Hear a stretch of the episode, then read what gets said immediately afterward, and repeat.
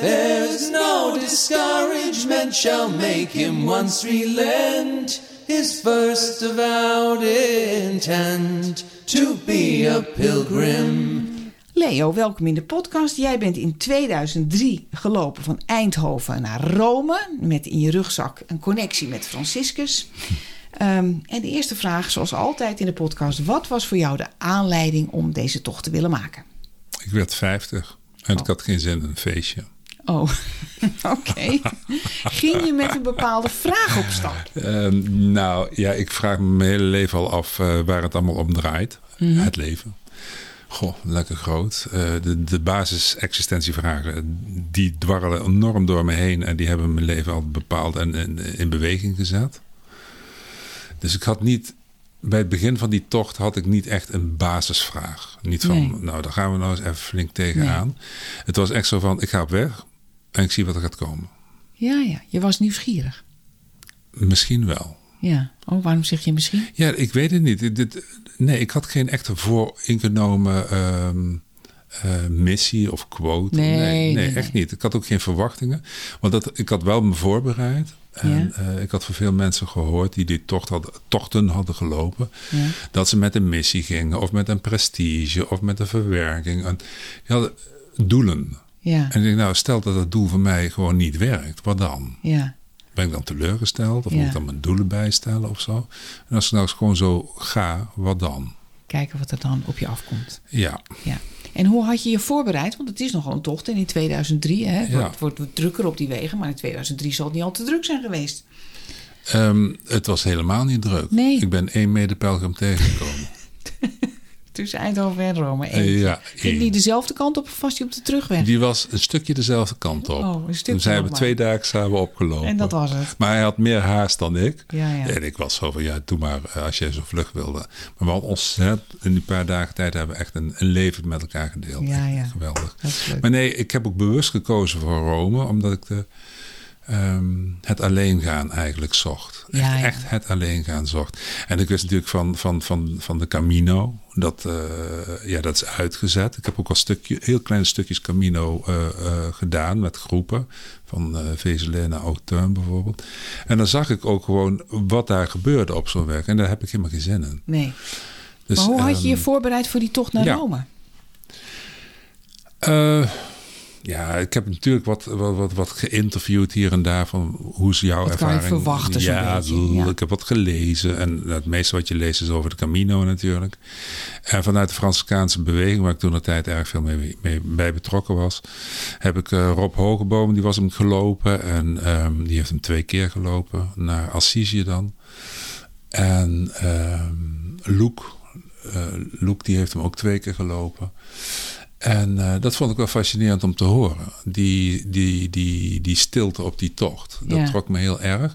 Nou, zo heb ik me voorgenomen. En toen dacht ik, ja, hoe gaan we dat doen? Er is geen uitgezette weg. En toen heb ik bij de AWB zo'n map, grote, zo'n zo'n plattegronde gehaald. Ja. Hele lange lineaal gepakt.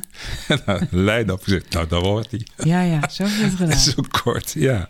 En rond die lijn ben ik wat gaan, eh, gaan zwalken natuurlijk. Ja, zo heb ik me voorbereid. Ja, en dan spulletjes. spulletjes En wel dingen zoals overnachtingen, want dat is ook vaak een hele puzzel. spulletjes. Niet. Niet? Nee? Hoe heb je dat gedaan? Tentje geleend. Oh, je had gewoon een tentje bij. Ja, Wild kamperen. ja. Ja, ja, oké. het mooiste Dus is. reuze mee. Ja, geweldig. Ja, Ook zou het zo weer doen. ja. Ja, ja, ja, ja. Oké, nou, we gaan eh, graag met je mee. Ehm, en het is natuurlijk altijd aardig om dan de... Dat vinden de luisteraars altijd leuk. Om allerlei hindernissen die je tegenkomt. En Oh. inzichten om die de revue te laten passeren. Dus neem ons mee op jouw reis. De memorabele momenten. Nou, ik heb een beetje geschreven erover. En daar ben ik mee gestopt, omdat ik, dan ben je de zoveelste die erover schrijft. Dus je onderweg was je aan het schrijven, bedoel je? Ja, ook. Ja. Maar ik dacht, ik ga dat uitschrijven. De Toen je weer thuis was? Ja, de titel van het begin van het schrijven was... ehm, de weg van de kleine pareltjes. Mhm. Wat het meest indrukwekkend eh, eh, indruk heeft gemaakt... zijn de hele kleine ontmoetingen. De hele kleine on, onzelfs, onvanzelfsprekendheden. De, de- wat? Dat Maar je kleine ontmoetingen, je ja, dat je omloopt en dat een. Ik noem dat omlopen. Mensen vragen: wat ben je wel eens Ja. verdwaald? Nee, ik ben er nooit verdwaald. Maar ik ben wel eens een stukje omgelopen. Ja. En op die omlooppunten. Dat, dat, dat dan ergens in de verte een boer die is zijn land aan het ploegen. En die zet zijn trekker stil en die gaat op zijn trekker staan. En die zwaait naar mij. Ja, ja. En dan denk ik, oh, ik krijg er weer kippenvel van. Want ik realiseerde me in die tocht zo goed dat ik niet de enige was die daar liep. Ik kon daar lopen omdat die boer daar aan het maaien was. Ja. Ik kon daar lopen omdat de bakker in het volgende dorpje zo aardig was om voor mij een brood te bakken. Dus die, die hele context van er kunnen zijn in het web van al het andere, Ja. dat was mij echt in mijn aderen gegoten. Maar had jij nou de indruk dat die mensen onderweg, zo'n boer op afstand vanaf zo'n tractor, wist of zag of dacht dat jij een pelgrim was? Nee, of helemaal niet. ze gewoon Helemaal iedereen? Nee, maar goed. ehm, kijk, de weg naar Rome, toen tenminste, nu Ja. is het een en ander uitgeschreven en uitgetekend. Die was er niet. Nee. Alle wegen werken naar, leiden naar Rome. Ehm, het was wel heel grappig als ik ergens in een dorpje kwam of zo. En dan, ja, goed, je loopt met, met, met, met zo'n rugzak op je, op, op je nek. Dan loop je toch met een blauwe zwaailift. Kijk mij hier. Was niet mijn bedoeling, maar je valt toch in de kijker. En dan was natuurlijk de vraag: wat doe je en wat ga je doen? Oh, ga je naar Rome? Oh, ligt ons ja, dorpje. dan, dan was er al een gesprek. ja, dan komt er een gesprek. Maar het grappige was dan. Dat kwam regelmatig voor. Oh, ligt ons dorp dan op de weg naar Rome? Dan zeg ik, ja, dat klopt. ja, oh, geweldig. dan. Oké dan. maar dat was de, de, De binnenkomen. de binnenkomen om een Ja, zinnig ja. gesprek te hebben. Ja, ja. En ja, nogmaals, vooral het, het, het, het kleine heeft mij enorm ontroerd. Het kleine. Hoe, hoe het kleine meeslepend kan zijn. Ehm, ik loop ergens. eh, in 2003 was het in Italië eh, hittegolf. ja. Het was 42 graden. Er was maar één idioot die buiten was. En die liep met een rugzak Ja, op zijn nek. Naar dat was ik. Ja. Dus het was gewoon bijna niet te doen. Maar ik weet nog, ik loop een vals plat. Het is het ergste wat je kunt Omhoog, doen. neem ik aan. Omhoog, een weg. Ook nog een keer. Geen mooi pad. Rechte weg. En dat is heel erg, want dan zie je dus heel ver weg. Je- Hoe lang die weg is. En hoe lang die weg Ja. is. En je gaat helemaal dood. Een heel klein dorpje boven. Ik zie daar bij het eerste huisje een boer. Op een, of in ieder geval iemand op, op, op een bankje zitten. Ik denk, oh. Als ik daar ben, dan vraag ik iets te drinken. En, want ik had, nou goed, daar kom ik direct al op. Ik kom, laten we zeggen, op 100 meter afstand en hij gaat naar binnen. Dus ik denk, oh. En ik ben onderweg altijd heel, ja, ik, ik ben heel verlegen onderweg. Ik durf niks te vragen, echt helemaal niks. En ik kan een half dag lopen zeuren in mezelf om een glas water te vragen. Dat is echt bizar, terwijl ik gewoon normaal leven ben ik zo brutaal als maar zijn kan. En die boer die gaat naar binnen en denkt, nou, daar gaat mijn kans. Hij komt naar buiten. Raad me water. Nee, hij komt naar buiten met twee glaasjes wijn. Van die gewone glaasjes. Niet, niet met, met een mooi voetje, gewoon twee glaasjes, poem. Hij gaat weer op zijn bankje zitten en zet naast hem op het bankje twee glaasjes wijn. En het enige wat hij doet, is er naar wijzen en op zijn, op zijn bankje tikken met zijn hand. En naar mij kijken en met zijn Oh, hij hoofd was naar schudden. binnen gegaan. Hij zag je aankomen en hij ging alvast die wijn halen. Dus, Ja, ja. Nou daar krijg ik kippenvel van. Daar krijg ik kippenvel van. Want Ja, en wat leerde jou dat dan uiteindelijk? bescheidenheid. Eh, want die boer was bescheiden. Dat was uiteindelijk een boer. Ehm, maar die heeft zijn hele leven daar gewoond. Dus die weet wat dat vals plat is. Ja, ja. En die wist uit ervaring, toen we nog niet allemaal gemotoriseerd en haast hadden, dat als je daar naar boven liep, je kapot was als je boven was. En daar ging hij gewoon voor zorgen, zonder Ja. daar grote, grote woorden aan te geven. Ja. Nou, die kleine dingen die heb ik heel veel gezien. En dat Ja. heeft mij geleerd bescheiden te zijn. En dat was een behoorlijk lesje. Dat heeft mij geleerd om, ehm, om eh, vertrouwen te hebben dat het goed komt. Ja. Ehm, dat heeft mij eh, geleerd wat basisbarmhartigheid is. Basisbarmhartigheid, daar bedoel ik niet mee van kijk mij eens iemand helpen. Zodat je jezelf weer wat lekker voelt. Maar gewoon dat je helpt omdat er hulp nodig is. Of dat het nodig Ja. is, punt. En niet om er iets van terug te krijgen. Mhm.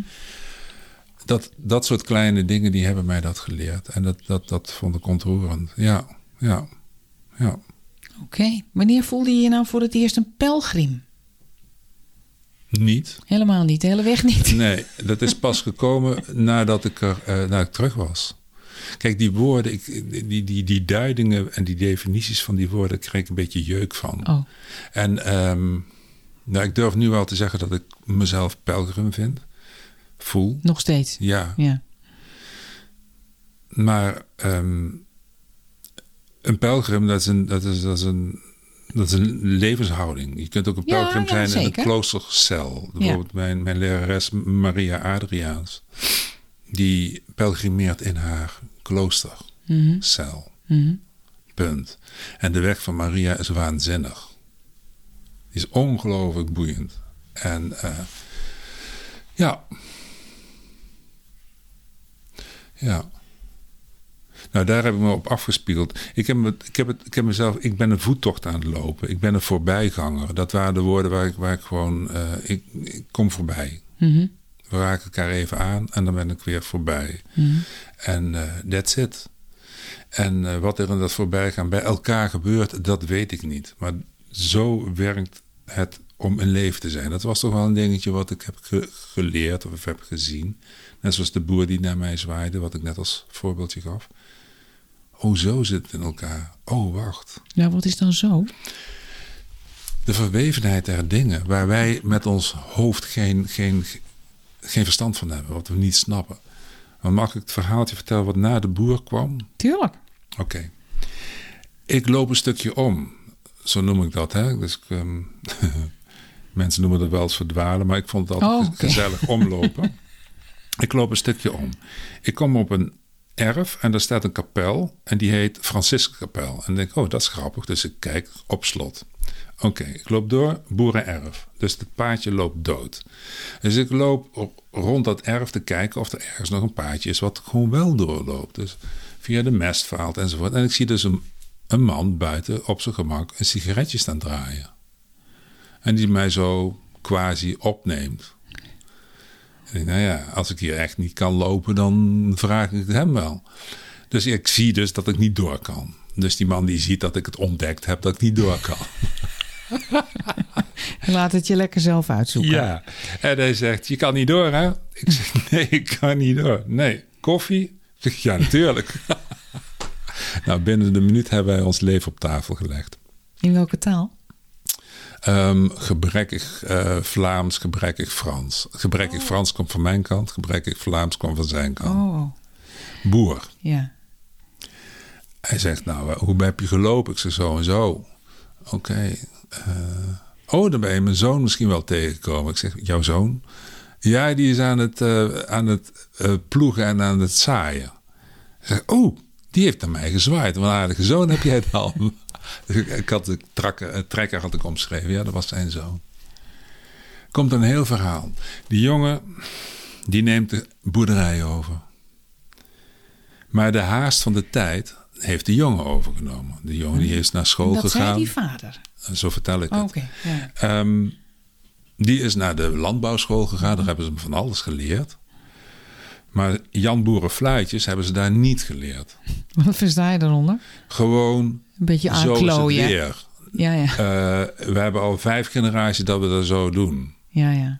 Nee, zij hebben allemaal planmatig handelen geleerd. Ja, oké.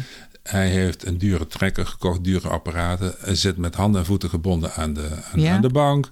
Dus het treurnisverhaal van hem is... hij is te vroeg aan het maaien... of hij is te vroeg aan het ploegen en hij is te vroeg aan het zaaien. Zaaien doe je pas na ijsheiligen. Je Oude boerenwijsheid. Oude boerenwijsheid. Hij zegt als hij nou zaait, ontkiemt het. En als het over een week gaat vriezen, is hij zijn hele oogst Ja. Maar hij zaait nu dat hij de eerste is die straks op de markt kan komen, zodat Ja, hij zijn prijs ja. kan bepalen. Hij zit dus vast aan die bank. Hij zegt, ja, hij moet ook maar zelf leren, zegt hij. Hij luistert toch niet naar mij. Ja. En toen dacht ik, oh, wat een, wat een wijsheid. Dus dat die man zijn zoon eigenlijk vast ziet lopen in ons systeem. ja.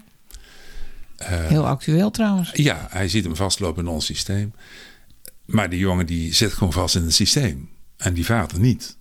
Dus die vader snapt het systeem niet. Nou ja, of juist wel. Ja, maar die heeft nooit met het systeem hoeven Ja. te rotzooien. Nou goed, zo'n soort gesprek. Het was waanzinnig interessant om te zien hoe die werelden dan met elkaar wringen. En eh, ik zeg, nou, dus dan, dan moeten we maar hopen voor het beste. Nou, ondertussen heb ik boterham gekregen van alles. Nou, ik vind het een enorme leef... ehm, les, zou ik maar zeggen. Van, goh, hoe krijgen die werelden bij elkaar? Dat is natuurlijk iets wat dan actueel ook nog steeds speelt. Ehm, Nou, uiteindelijk heeft mij wel een ander pad gestuurd. Helemaal prachtig. De volgende dag lag ik in mijn tentje. Het was min 10. Hm? En er lag een pak sneeuw op mijn tent. Oh. Dus toen moest ik wel even aan die oude denken. Ik denk, hij heeft gelijk. En dan maar hopen dat over een paar weken, als het zaad echt ontkiemt, niet nog een keer min Ja, ja. 10 wordt met een pak sneeuw. Want dan is het klaar. Nou, Ja, prachtig toch? ja. Oké, we lopen verder naar het volgende memorabele moment. Ja. Ja, god, memorabele moment. Ik luisterde naar jouw podcast en ik hoorde eh, een Frank die ook gewoon zo onbevangen eigenlijk op weg ging. Frank zonder geld. Ja, en eh, eh, dat trof mij heel erg. En ehm, ja, ik zeg, ik heb het gehad van die kleine, hele kleine dingetjes. Op een bankje zetten, mensen langs zien komen. Ik zit te tekenen en eh, ik zit in het bos te tekenen. Ik zit het bos te tekenen en ik zie daar de jonge opschuit van de jonge bomen. Die zo hard mogelijk proberen eh, zo groot mogelijk te zijn. Dat trekken ze niet. Dus de meeste die vallen dan om, terwijl ze nog niet groot geworden zijn. En die hele grote bomen die staan daar zo rond zich heen te kijken. Zo, zo zie ik me voor me. Zo van jongens, doe nou rustig. Sloof je niet zo uit. Zo werkt het niet. Dus ook dat soort kleine dingen zijn een enorme spiegel. Want ik ben ook al een uitslover. En ehm, nou, dan komt er iemand langslopen met een hondje en eh, die begint het verhaal te vertellen over de scheiding en over dat- Welk land was je inmiddels? toen was ik ergens ook een Ardennen. Gewoon totaal vreemde mensen die zien mij daar zitten en zien me tekenen. En dan ben je, ja, dan kom ik kijken en dan komt er een levensverhaal. En die onbevangenheid die, die je hebt, dat krijg ik hier dus in Amsterdam natuurlijk niet voor elkaar. Nee, dat kan je Als ik hier op een bankje ga zitten, denken ze, nou, laat maar zitten. Ja. En dan denk ik, ja, waar ben je nou mee bezig? En eh, die, die, die onbevangen verbondenheid die op zo'n weg tegenkomt, ja, dat is natuurlijk verslavend. Ja. En, en, en, en dat geeft richting aan, aan, aan, aan waar het leven om gaat. En dat was ook een van mijn, mijn afvragen. Waar gaat het nou om? Hier dus om. Ja. Om zo'n boer die, die mij een glaasje wijn Contact. geeft zonder dat hij Ja. zegt, heb je dorst? Ja. Ja.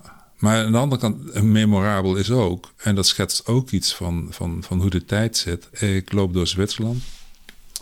En wat mij heel erg opgevallen was, want ik was natuurlijk al door Noord-Frankrijk, niet heel erg plezierig lopen daar. Ehm, ik loop in Zwitserland. Kleine dorpen zijn daar net zo uitgestorven als in Frankrijk. Het zijn allemaal opgekochte dorpjes voor eh, Oh, ja. tweede huisjes. Dus ja. de boer, of de, de bakker en, en, en, en, en, de slager, dat is Ja. allemaal weg. En eh, dus voor een, voor een loper, voor een voettocht, is het onhandig om, om jezelf staande te houden. Dus Ja, als er dan een barretje open is, dan ga je er naartoe. En dan hebben we kleffe broodjes of kleffe zoetigheden in, in de vitrine liggen. Nou, dan dat maar. En ik had geen budget om bij elk duur restaurant eh, eh, binnen te schuiven. Want vroeger had je nog wel eens van die dorpsrestaurantjes, zou ik maar zeggen. Die zijn ook weg. Ja. Of ze hebben het overleefd en die heten nou in één keer Chez Jacques. Ja, ja. En die hebben een kaart die ik niet wil betalen. En, ja. eh, Zwitserland is natuurlijk ook erg duur, hè? en Zwitserland is nog duurder. Dus ik loop daar ook zo van, nou ja, ik had best honger, trek zo maar zeggen. En ik rook eh, ergens waar ze aan het barbecue. Ik denk, oh nee hè. Terwijl- Het was ook op zondag. En alles was gesloten, bijna alles was gesloten. Dus ik loop langs. burgers waren daar, niet, niet Die een waren- restaurateur. ja, Ja, ja. Die waren daar. Buurtbarbecue. Jonge, jonge lui waren daar, weet ik veel, zo'n t- midden twintigers, hoogopgeleide midden twintigers. Die waren daar gezellig aan het barbecuen.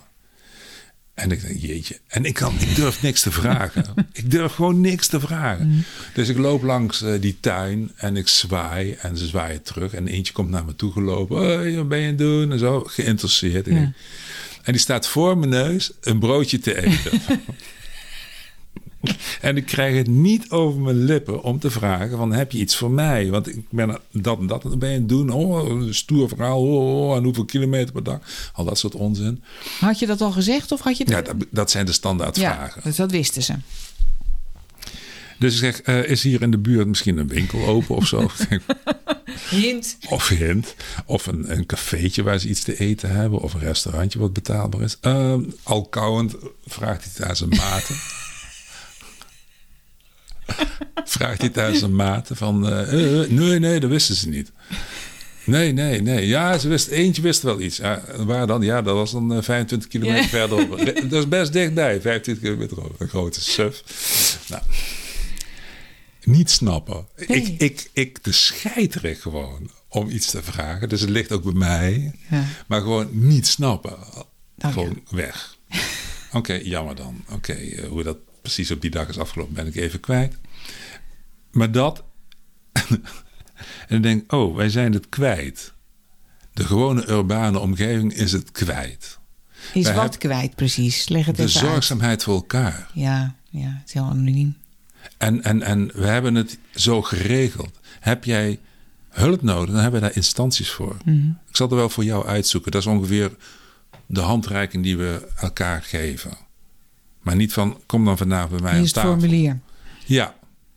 Ja. Oh, dit is, de, dit is de website, alsjeblieft. Dus van je afschuiven. Eh, ja, god, we kennen het toch allemaal. De zwerver die jou eh, een euro vraagt voor de nachtopvang. en dan kijk ik natuurlijk ook zo'n zwerver aan van... Ja. Vriend, ik breng jou naar een nachtopvang. Mhm. En dan betaal ik jou de nachtopvang. Als hij zegt, nee, nee, dat hoeft niet. Dan weet ik dat hij die euro verkeerd gaat, in mijn Ja, ogen ja. verkeerd Oh, gaat gebruiken. Ja, ja. En eh, zo doe ik dat heel praktisch. Ja. ja, het is ook niet makkelijker geworden voor de zwervers sinds we alleen nog maar pinnen. Precies. En ja, heb je een euro voor een kop koffie? Kom, we gaan samen koffie drinken. Nee, nee, dat hoeft niet. Dan weet ik het, weet je wel. Ik wil, ehm, nou ja, goed, denk ik te weten. Maar we zijn het kwijt. We zijn het gewoon kwijt. En we hebben het weggeschoven naar instituties, dus hoeft het ons niet meer te belasten. Maar OW, als je zelf in de eh, verlegenheid komt, dat je om wat voor reden dan ook hulp nodig hebt, dan zie ik mensen ook gewoon steeds vaker echt het onderdompelen in de ellende. En dat kennen we ook. Maar we Ja. kunnen onze oogjes ook dicht houden en denken, nou, Ja, dat is die van het portiek hiernaast. ja. Nou, dat heb ik wel gezien. En dat wil niet zeggen dat ik een, de, de, de, de, de uitslovende, barmachtige Samaritaan uitloop te hangen. Want zo erg is het nou ook weer niet. Maar ik ben wel alert. Ja. Veel alerter geworden. Ja. Ja, ja. Omdat je zelf een beetje in de positie zat van iemand die soms moest vragen, maar, maar het eigenlijk niet durfde. En het niet durft. Gek, hè? Dat is zo gek, ja. En het is dus niet opgelost tijdens de Camino. Nee, nee, ik heb die verlegenheid nog. Als ik, eh, als ik eraan denk, dan weet ik dat ik er nog niet overheen ben. Nee, nee. Nou, we zitten dus inmiddels in Zwitserland. We moeten nog een eentje. Ga even door. We gaan door. Oké. We lopen door Zwitserland en het is ongelooflijk pokken weer. Het sneeuwt weer en het is nat. En eh, Ben je in een bergachtig gebied? ja, ik loop richting Gotthard. Oh, die moet je ook nog over, die pas. Ja, Oké. ja. En ik, ik had echt zo'n dag van, ah jongens, nee hè. En ehm, eh, er staat weer ergens een bordje Franciscuskapel. Ik denk, dat wordt mijn nachtplek. Ik heb Ja. wel eens vaker in, in, in gewoon zo... Je zo, zo- uitgerold. Ja, achter een altaartje of zo. Van, als ik hier niet mag liggen, dan word ik weggejaagd. Dan ben ik ook weer zo Ja, weg. dus die deur, je gaat niet op slot s'nachts. Nee, mm, ik, ik vind, ik vind mijn plek altijd. Een fietsenstalling, een oude... Ja, oh, dat doe je ook. mm, Ja, whatever. En ehm, dus ik volg dat bordje en zie ik op een gegeven moment een ander bordje staan... eh, met zo'n zo'n zo'n zo'n zo'n ja, Franskaans teken erop. En wat stond er ook weer op? Nou ja, weet ik veel, koffie en thee, zou ik maar zeggen. Ik denk, nou, dat gaan we eerder doen. ha, ik kom daar in, in Huizen Matli, zoals dat heet. Is een Fr- Franciscaans georiënteerd eh, conferentie- en bezinningsoord. Prachtig, met een uitzicht, het mooiste uitzicht van de wereld. Over de Vierwoudstedterzee. En eh, ik was nat tot op mijn navel. En ik was vies. En ik had weer tijden niet kunnen douchen. En ik had honger. Dus dan ben ik gewoon een week geland. Nou, lekker oh, dan kon je gewoon blijven. Ja, ben ik een week geland. En ik kreeg daar een interview en er werd in het plaatselijke blaadje gezet. Nou, allemaal leuk, leuk, leuk. Allemaal leuk. Nou, lekker streel, streel. Maar ik was eventjes stil op één plek. En toen kreeg ik allemaal adresjes voor het vervolg van de tocht. Oh, dat was en handig. ik denk, handig. Wat voor adresjes? Ja, precies. Ehm, eh, dat waren een aantal Franciscaanse kloosters. Oh, dat is helemaal Nou, mooi. dan- ja, nou we toch zo bezig zijn. Ja. En je hoefde niet te vragen, want je had gewoon je lijstje. Wat toch een soort aanbevelingsbrief is. Precies, Johanna. Dus wat ga ik doen? Het eerste beste klooster waar ik terecht kan. Ding dong aan de deur.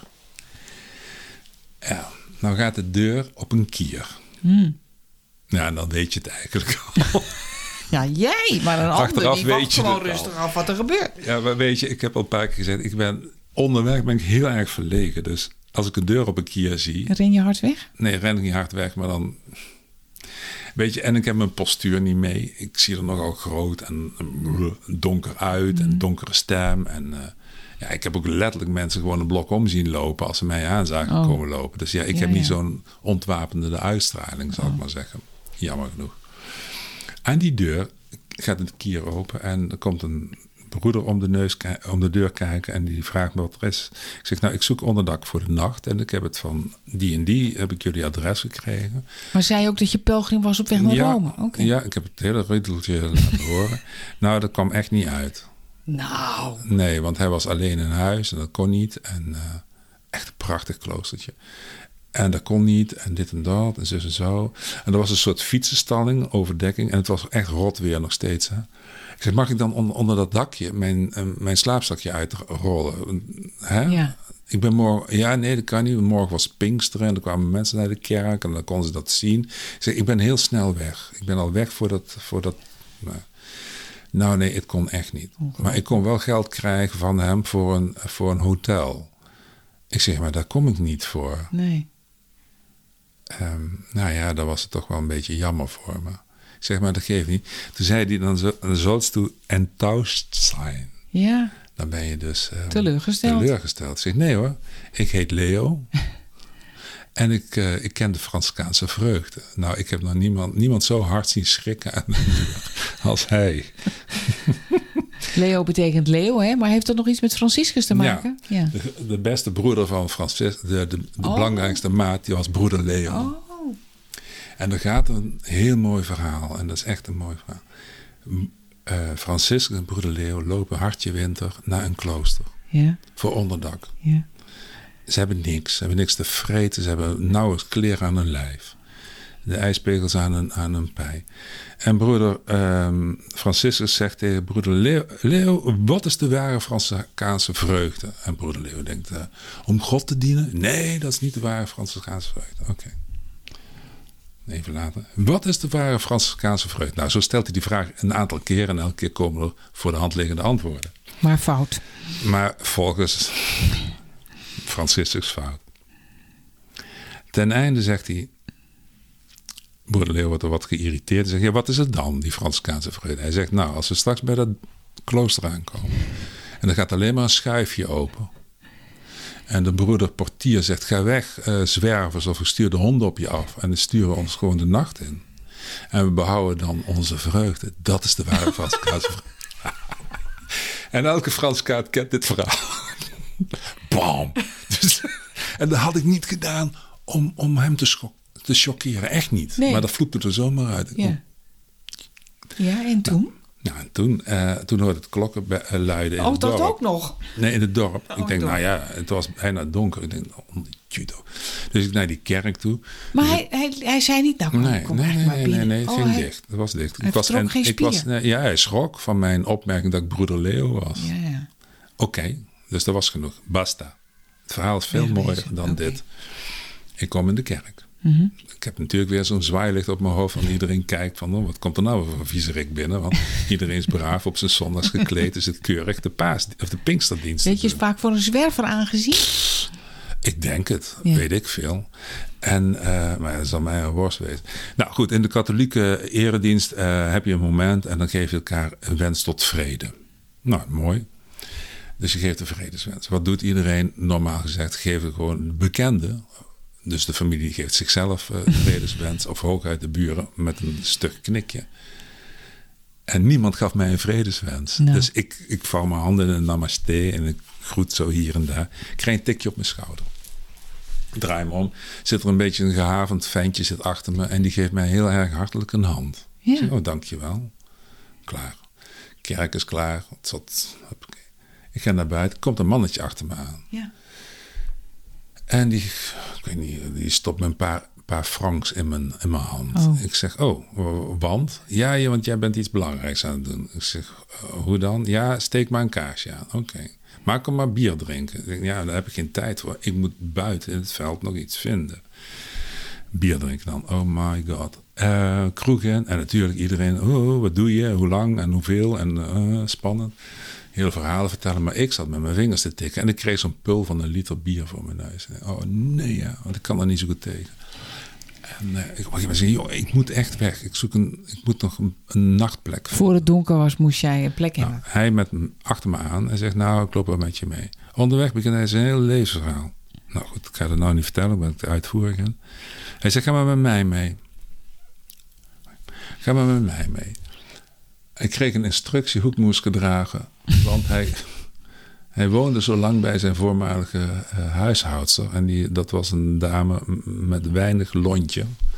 Dus die had gebruiksaanwijzingen. Huishoudster, was het een priester of zo? Nee, hij was boer. Oh, boer met hij was, failliet, hij was failliet gegaan omdat hij onderdak gaf aan toen de tijd al aan vluchtelingen die hij gelegenheid gaf tot onderdak, eten en werk. Mm -hmm.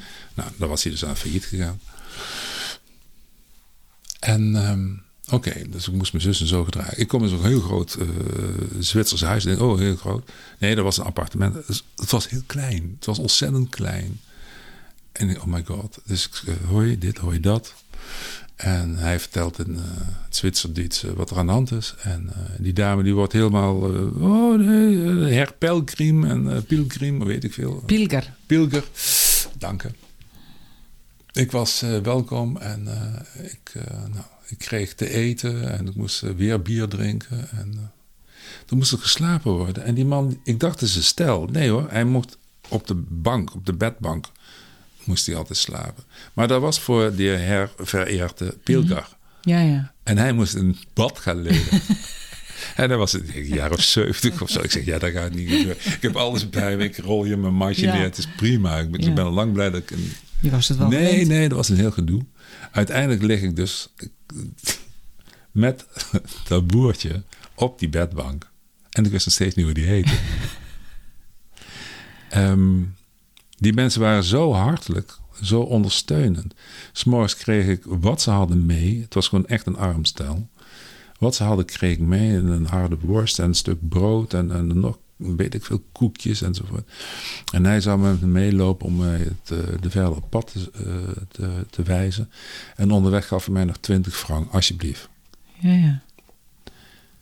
En denk, wow, over barmhartigheid gesproken. Ja. Ik vroeg niks. Nee. Ik kwam in die kerk, een tikje ja. op mijn schouder, nou ja. enzovoort. Hè? En dat vind ik zo schitterend ervaren. Terwijl de broeder Franciscaan... Ja, die stuurt je weg. Mij wegstuurde. En ik ben die broeder daar heel dankbaar voor, want daardoor heb ik dit ervaren. Mm -hmm. Dus later, een jaar later, ik heb nogal in Assisi uh, met vredesprojecten gewerkt. Ik had een heleboel beeldjes gegoten in brons. Want ik dacht, ik ga die allemaal neerzetten op die plekken. Uh, die had, je, mij... had je bronzen beeldjes bij je in je ja, rugzak? Nee, het jaar daarna. Oh, ik heb daarna. een bronsgieterij gehad. Okay. Mm -hmm. Dus ik goot uh, Franciscaanse beeldjes, zal ik maar zeggen. Want die heb ik neer, uh, afgegeven op plekken die voor mij erg belangrijk waren. Dus ook bij hun. Maar ook bij, uh, bij dat klooster. Ja, ja. Dus ik klopte aan bij de klooster. Ik was toen met de auto. Ja. Klopte aan met, bij het klooster. En up, de deur die zwaait helemaal open. Broeder Guardiaan, dat is, dat is de overste. En, oh, een andere broeder dus? Een andere broeder. En wat, ik, wat die voor me kon betekenen. Ik zeg, nou, dat is heel simpel. Zo en zo en zo is gebeurd. Heb je het hele verhaal verteld? Ja, ja. Ik zeg, oh, toen zei hij, ik ga die broeder erbij halen. Ik weet precies wie je bedoelt. Oh. Ik zeg, nee, dat ga je niet doen. Want ik ben de broeder ongelooflijk dankbaar voor het vervolg van het verhaal. Dat heeft mij, deze broeder heeft mij ongelooflijk veel geleerd. En daar ben ik heel veel dankbaar. Ja. Daar ben ik heel dankbaar voor. Ja. Dus uh, toen heb ik een heel klein beeldje van een in, in contemplatie zittende, uh, in meditatie zittende uh, broeder, zal ik maar zeggen. Ja. Franciscus voor mij wat gegeven. Nou, helemaal blij, helemaal vereerd. Maar, maar wat heeft die bot, bottenbroeder jou dan eigenlijk geleerd? Dat je niet teleurgesteld moet zijn voor een afwijzing. En hij heeft mij geleerd wat Franciscaanse vreugde is. Niet dat ik die elke dag kan, kan, kan beoefenen hoor. Echt niet. Mensen regelmatig zo chagrijnig als de Pieter. Maar hij heeft mij de gelegenheid gegeven die andere ontmoeting ja, ja, oké. Okay. aan te dat was zijn intentie natuurlijk helemaal niet. Nee, maar dat was maar wel het zit, gevolg. Zo zit de verwevenheid ja. weer met elkaar. Ja, ja, ja. Dus wat mij weer heeft geleerd, als je mij vraagt van. Dat was een levensvraag. Hè, die eerst, wat was mijn doel om te gaan? Dat was een soort. Hoe zit dat leven dan in elkaar? Ja. Oh, de verwevenheid is dus niet planbaar. Die komt, die valt toe, zal ik maar zeggen. Die, die, die, die. Um, ja, als je naar grijpt, dan is die weg. Ja. En je moet hem ook niet begrijpen. We snappen niks van. En uh, het, het, het, dwarrelt gewoon zo. Ja. En uh, je moet het ook niet willen omschrijven van, van oh, dat zit dan zo nee, en zo. zodra je het probeert te pakken is het weg. Ja. Ontglipt je telkens ja. weer. Ja, ik had dat deze week toevallig over dit onderwerp ook nog een gesprek. En toen vergeleek ik het met uh, de professor die probeert iets uh, uit te leggen over uh, het stromen van de rivier. Ja. En die heeft een emmer bij zich. En daar zegt hij trots over. Deze is een emmer vers stromend water. Die heb ik vanmorgen uit de rivier gehaald. Mm. Kijk studenten, Ja, ja. dit is stromend water. en dat is precies zoals Ja. het niet gesnapt kan worden. Dus dat heeft me ook wel weer... Ja, stiller gemaakt. Ik klets de hele tijd door. Maar het heeft mij diep in mezelf... heeft het mij enorm stiller gemaakt. En eh, naarmate die tocht verder liep, eh, was ik ook stiller en ontvankelijker voor wat zich aandiende.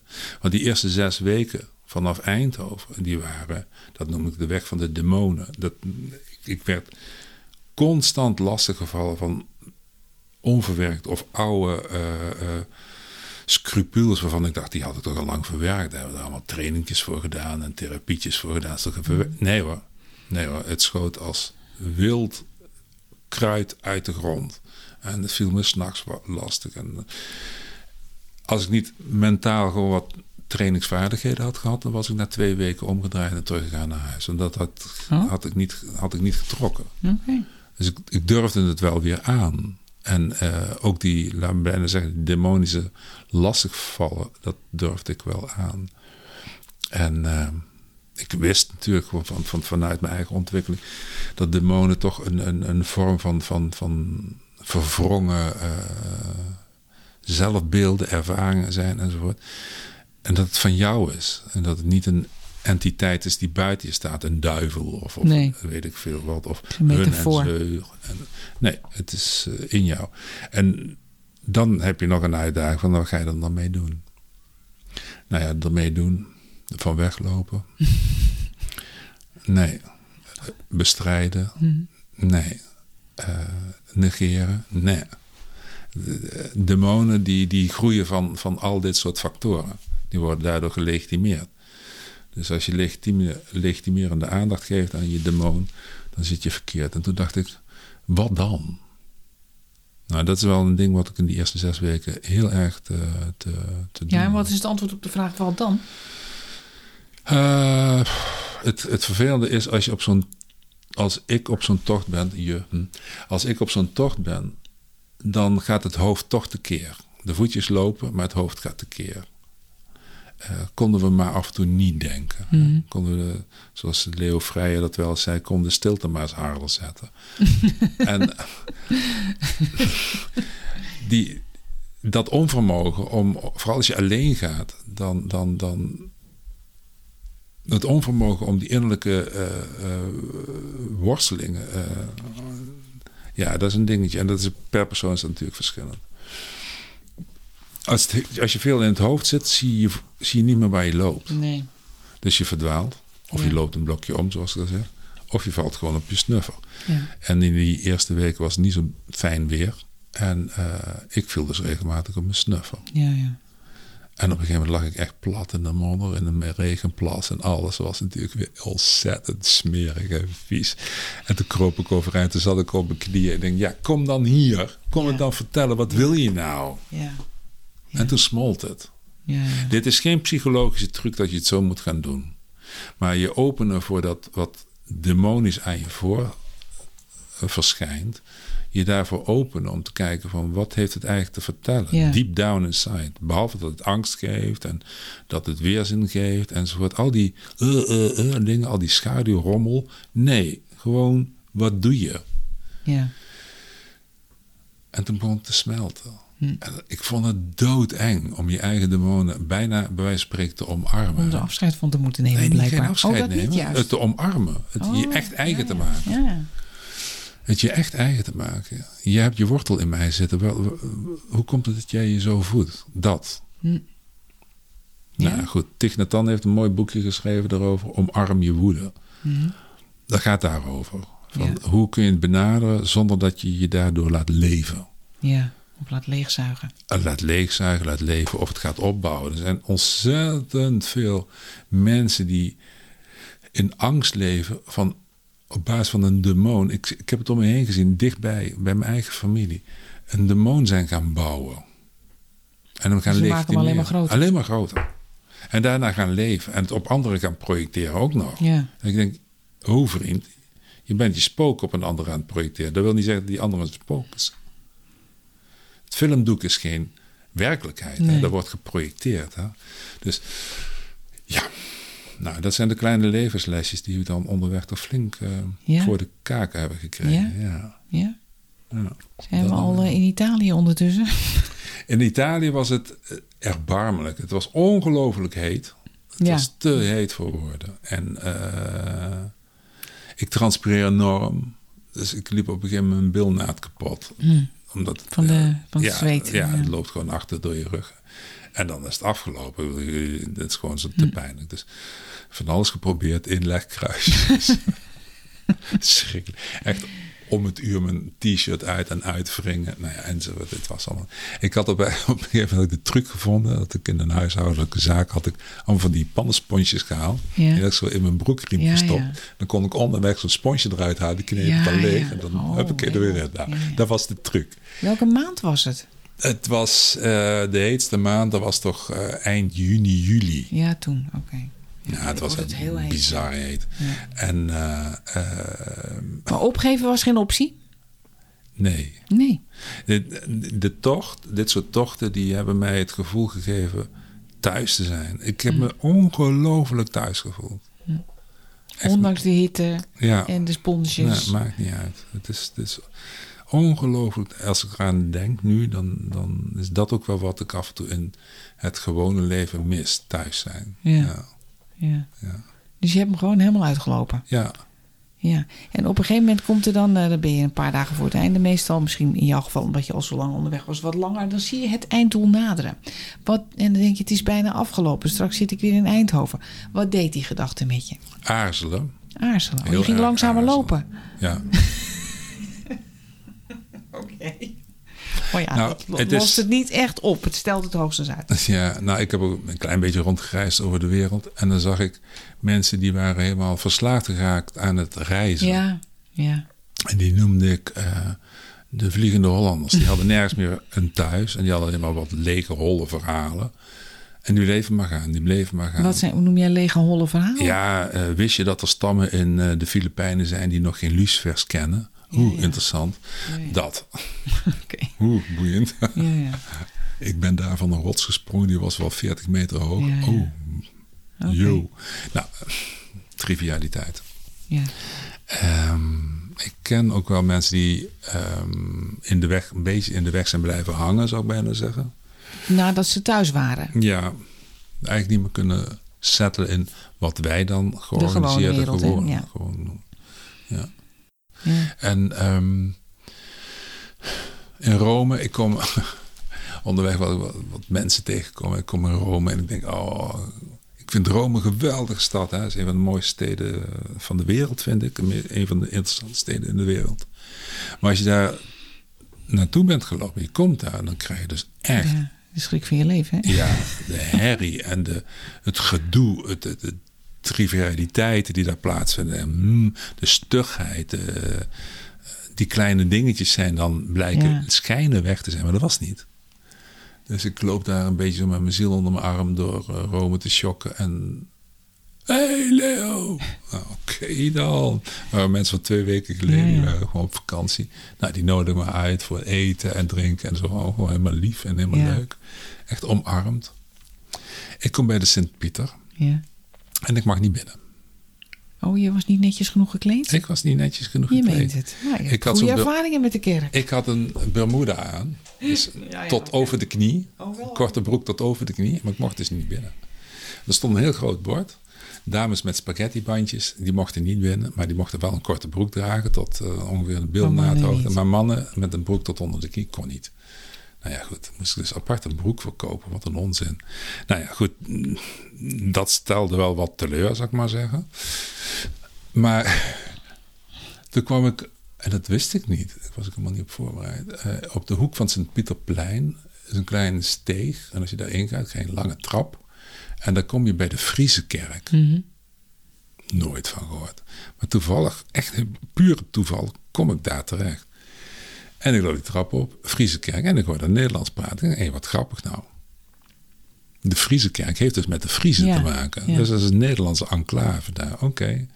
Dus die eh, priester, die, eh, oh god, en dit en dat, die luistert naar mijn verhaal. Oh, kom dan zo meteen naar de dienst. Oh, je mocht erin. Ja, ja, ja. In de Friese kerk wel. en in de dienst. En eh, die gaan dus een pelgrimsdienst ter ere van mij houden. Nou. Dus ik had niks gevraagd. Dus wat spontaan werd er zo Ja, ja. een ontvangstdienst met liederen en heel, ja, gewoon kerkelijk ritueel. Werd daar eh, aan mij ten Ja. aangeboden. Ik denk, wow, traantjes over mijn ogen. Ja. Ik er een behoorlijke tijd over gedaan. Ja, dat soort dingen dan weer wel. Ja. Nou, koffie drinken. eh, eh. en dat was in de Titus Brandsma-zaal. Titus Brandsma is ook een van mijn, eh, laten we zeggen, gidsen in, in het ontwikkelen van de geest.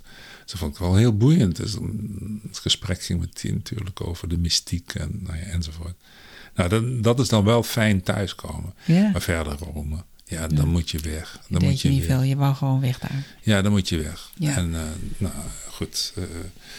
Maar op een gegeven moment ben je dan natuurlijk weer in Eindhoven terug. En hoe was dat? Wat, hoe is je, le is je heel leven? raar. Ja, Heel raar. Alles is een weerstand. alles is raar, hè? Ja. Alles is een weerstand. Ja. Ik denk, jongens, zit jullie toch allemaal moeilijk te doen. ja.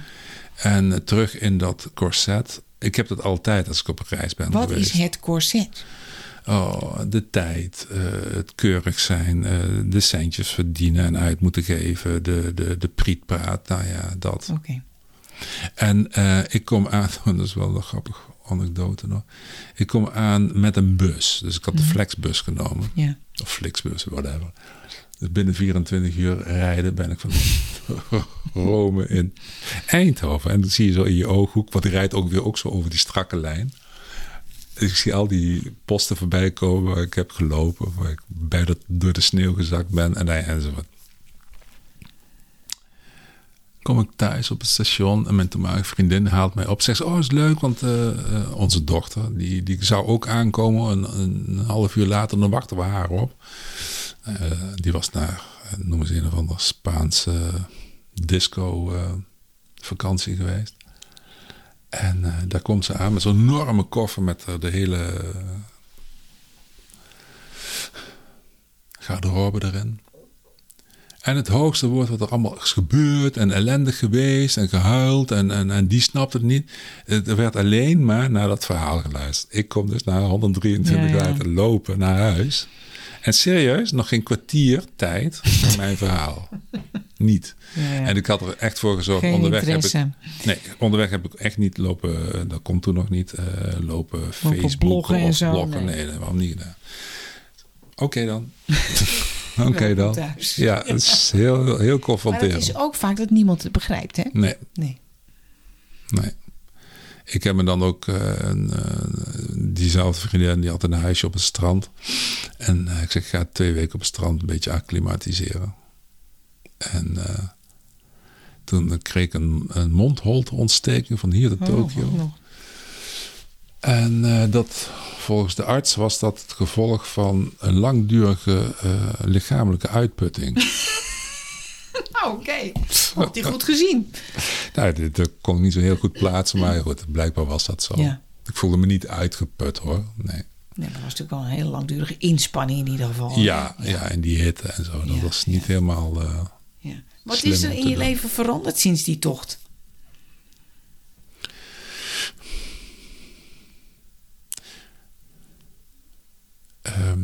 In, basis, in basis zijn dingen veranderd. In basis zijn. eh, is het leven eh, totaal vertrouwd geraakt. Ik heb eh, daar hele intense inzichten gekregen. Daar we het nog niet over gehad, maar Nou, daar wil ik het graag wel over hebben. ja, Is het in woorden uit te drukken, die inzichten? Nee. Het is moeizaam uit te drukken in, in woorden. Ik druk het ook niet zo vaak uit. Maar ehm, in de zen zeggen we: als we iets willen vertellen over de maan, dan kan ik er alleen naar wijzen. Mhm. Het is de vinger die wijst naar de maan. Maar ben erop bedacht dat het niet om de vinger gaat. Dus als ik hier iets over vertel, met al die woorden, dan gaat het daar niet om. Dus. ehm,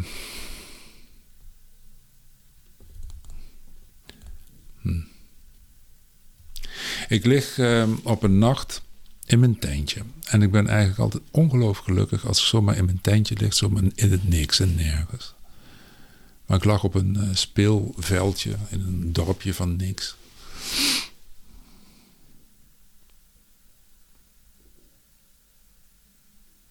Hm. En ehm, ja, in de kerkelijke traditie zouden ze dat vroeger een visioen hebben genoemd. Je kunt het ook een hersenspinsel noemen. Je kunt het ook Nee, een eh, delirium noemen of weet ik veel wat. Eh, je kunt van alles noemen. De heren psychologen zullen daar een duiding voor hebben. Maar ik word in die nacht eh, bezocht door een droom of door een inzicht of door een visioen. Ja, scheld er maar iets op, maar whatever. En het is, ehm, ik ben dood. En eh, dat is niet erg trouwens. Daar heb ik nooit zo heel erg moeite mee gehad. Niet dat ik suicidaal ben, wel eens ooit geweest. Maar in dit geval ben ik overleden. Ik ben overgestapt. En in de stroom van overstappen kijk ik terug en ik zie het leven als een soort kleffende, ehm, ja, taai, slijmerige omgeving waar je niet uit kan. Het, het, het beweegt zich wat, het, het, doet wat en het frut wat. En, en, en die, die klont van het leven, zal ik maar zeggen, die zweeft in de ruimte. Alles wat ik nou zeg zijn metaforen trouwens. Ja. Ehm, ik ben daarvan verlost. In die droom bedoel je? Johanna, ik kan je zeggen, ik heb me nog nooit zo gelukkig gevoeld. En dat, Als sinds je terug bent. nee, in die droom. Oh, in die droom. Oké. Ik was bevrijd van, van de last van het lijf, van de last van de tijdelijkheid, van de last van, van alles. Onbegrijpelijke bevrijding. En ik dacht, oké, happy days dan. dit is het dan. maar dit is het nog niet, natuurlijk niet. Het, het, eh, het zijnde zit toch iets anders in elkaar dan wij kunnen begrijpen. Ik ehm, zit in een soort stroom. En eh, dus ik word gestuurd. En ehm, Nog steeds in de droom, hè? in die droom Ja. ben ik nog bezig. Ehm, oh man, dit is zo'n zweverig verhaal voor velen. Maar goed, ik zit in die stroom en om mij heen zie ik bekenden. Die al overleden zijn en die zwaaien. En ongelooflijk gelukzalig. Ik denk, oké, jullie ook, oké. Maar allemaal in de vanzelfsprekende doorstroom. Mijn toenmalige vriendin, die is daar ook. Kom, we gaan verder. Ik zeg, oké. Maar ik kijk nog eens terug. En ik zie daar die kleffe, in zichzelf gekeerde, taaislijmerige eh, klont. Met zijn kortzichtige bewegingen, zijn be- beperkte verkramping. En ik denk, als je daarin zit, weet je niet dat dit gaat worden. My god, wat missen jullie nou? En in die stroom die was nog niet klaar. Dus die, de fases waarin gestroomd zou gaan worden, die zag ik ook in, laten we zeggen, in de verte. En dat zou nog spectaculairder worden.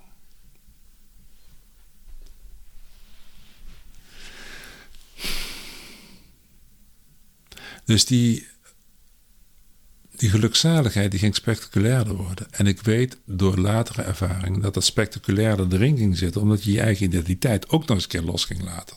Ja, ja. Oh my god. Dus dat gezeik van een ego en ophouden van je hoe en nastreven gaat dan er ook af. Mens, die wil niet weten wat dat voor een bevrijding geeft. En zo gaan we nog een paar stappen verder, maar daar gaan we nu niet op in. En ik kijk nog eens terug. En ik denk, ja, maar dat weten ze daar allemaal niet. Mhm. En ik draai me om en ga er terug. En niet uit angst, maar om, om, om jou dit verhaal te vertellen. Ja? En dat klinkt nou zo pastorig, dat weet ik wel. En dat is niet zo mijn bedoeling. Maar sindsdien.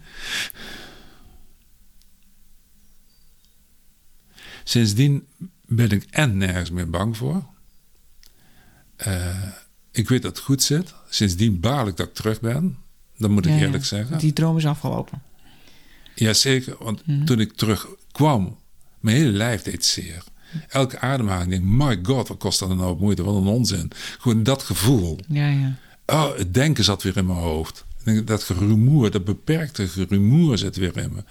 Uh, de beperktheid van het denken. Dat, dat, dat, oh man, oh man. En dus die hele. Maar ik kan wel van de daken schreeuwen: jongens, het gaat anders. Mm. Niet zoals jij denkt dat het wil gaan worden. Verzin het niet. Het heet geen hemel. Het heet geen nirvana. Het heet geen reïncarnatie. Het heet het allemaal niet. Alles wat je eraan kan duiden, is het niet. Laten we er duidelijk over zijn. Wat het wel is, weet ik niet. En die bemoediging, ja. Die bemoediging is. Um, nou, laten we zeggen, toch maar wel een hele happy change. Ja.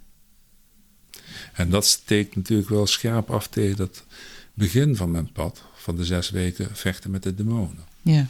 Om daar dan terecht te komen. Ja. En dat had je natuurlijk never van tevoren kunnen bedenken. Van, oh, daar wil ik zo. Nee. Ook ik heb van iemand gehoord dat het ook zo kan. Nee, nee, nee. Hoe heb je dat gedaan? Ja, nee. Je moet alle verwachtingen loslaten als je op reis gaat.